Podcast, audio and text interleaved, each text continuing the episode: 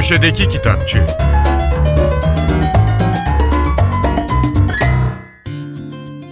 Merhaba, ben Adnan Bostancıoğlu. Türk hikayeciliğinde Çehov geleneğinin temsilcisi olarak tanınan Memduh Şevket Esendal'ın Ocak 2023 itibariyle eserleri üzerindeki telif ödeme zorunluluğu kalktığı için birçok yayın evi kitaplarını basmaya başladı.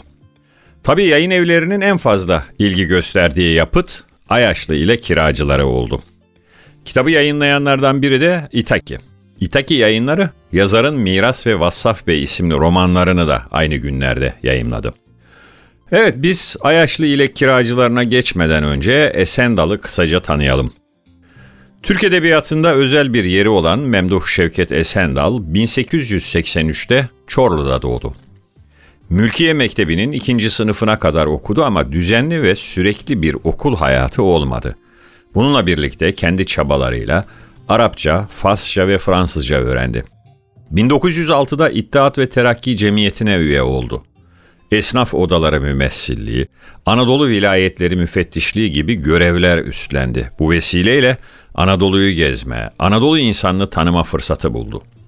İlk öyküsü 1908'de Tanin'de yayımlanan Memduh Şevket, Türkiye Büyük Millet Meclisi'nin kurulması üzerine Anadolu'ya geçti. Cumhuriyet'in ilk yıllarında çıkardığı Meslek isimli gazetede hikayeleri, Miras adlı romanı ve karikatürleri yayımlandı. Karikatürleri nedeniyle takibata uğradı. Zaten gazetesi de takriri sükun yasası ile kapatıldı. Sonraki yıllarda Tahran ve Kabil'de büyükelçilik görevlerinde bulundu. Bu iki görev arasında Elazığ milletvekilliği yaptı.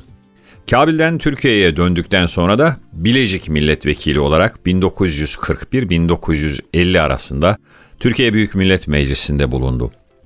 1952'de Ankara'da vefat eden Esendal'ın edebiyatımıza getirdiği en önemli yenilik, ele aldığı konuları büyük bir sadelikle işlemesi. Sıradan insanların yaşamlarını öne çıkaran yazarın, üslubunda Çehov'un etkileri açıkça görülür. En bilinen eseri bugün bahsini ettiğimiz Ayaşlı ile Kiracıları 1934'te yayımlandı. 1946 yılında Hikayeler birinci kitap ve Hikayeler ikinci kitap adlarıyla iki öykü kitabı da yayımlayan Esendal'ın mektupları, anıları ve öyküleri ölümünün ardından kitaplaştı. Memduh Şevket Esendal, Ayaşlı ile kiracılarında 1930'lu yıllarda yeni yapılmış bir apartmanın, her biri ayrı ayrı kiraya verilmiş 9 odasında yaşayan insanları anlatır. Cumhuriyet'in ilk yıllarındaki Ankara'dan bir kesit sunar. Eşkıyalıktan arzu halcile her türlü işe girip çıkmış olan Ayaşlı İbrahim Efendi'nin, kimi aylarca kalan, kimi gecelik değişen kiracılarının aralarında halim selim tipler de var, çapkınlar da, yaşlılar da var, çocuklar da, kumarbazlar da var, kendi yağında kavrulan garibanlar da. Ve onların bitmeyen dertleri, dedikoduları, küçük hesapları, sohbetleri, aşkları. Esandal eğitimleri, sosyal konumları, ilgi alanları, dünya görüşleri, farklı insanların ilişkilerini büyük bir ustalıkla sergilerken, onların kişiliklerinde dönemin bütün özelliklerini yansıtır. Ahmet Hamdi Tanpınar şöyle diyor Esendal'ın romanı için. Ayaşlı ile Kiracıları adlı büyük roman, yeni kurulan Ankara'nın havasında memleketteki seviye ve zihniyet farklarını kuvvetle gösteren bir eserdir.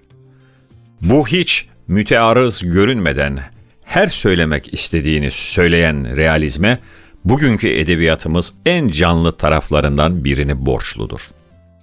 Fethi Naci ise roman üzerinde düşüncelerinde özellikle Esendal'ın üslubuna işaret ediyor.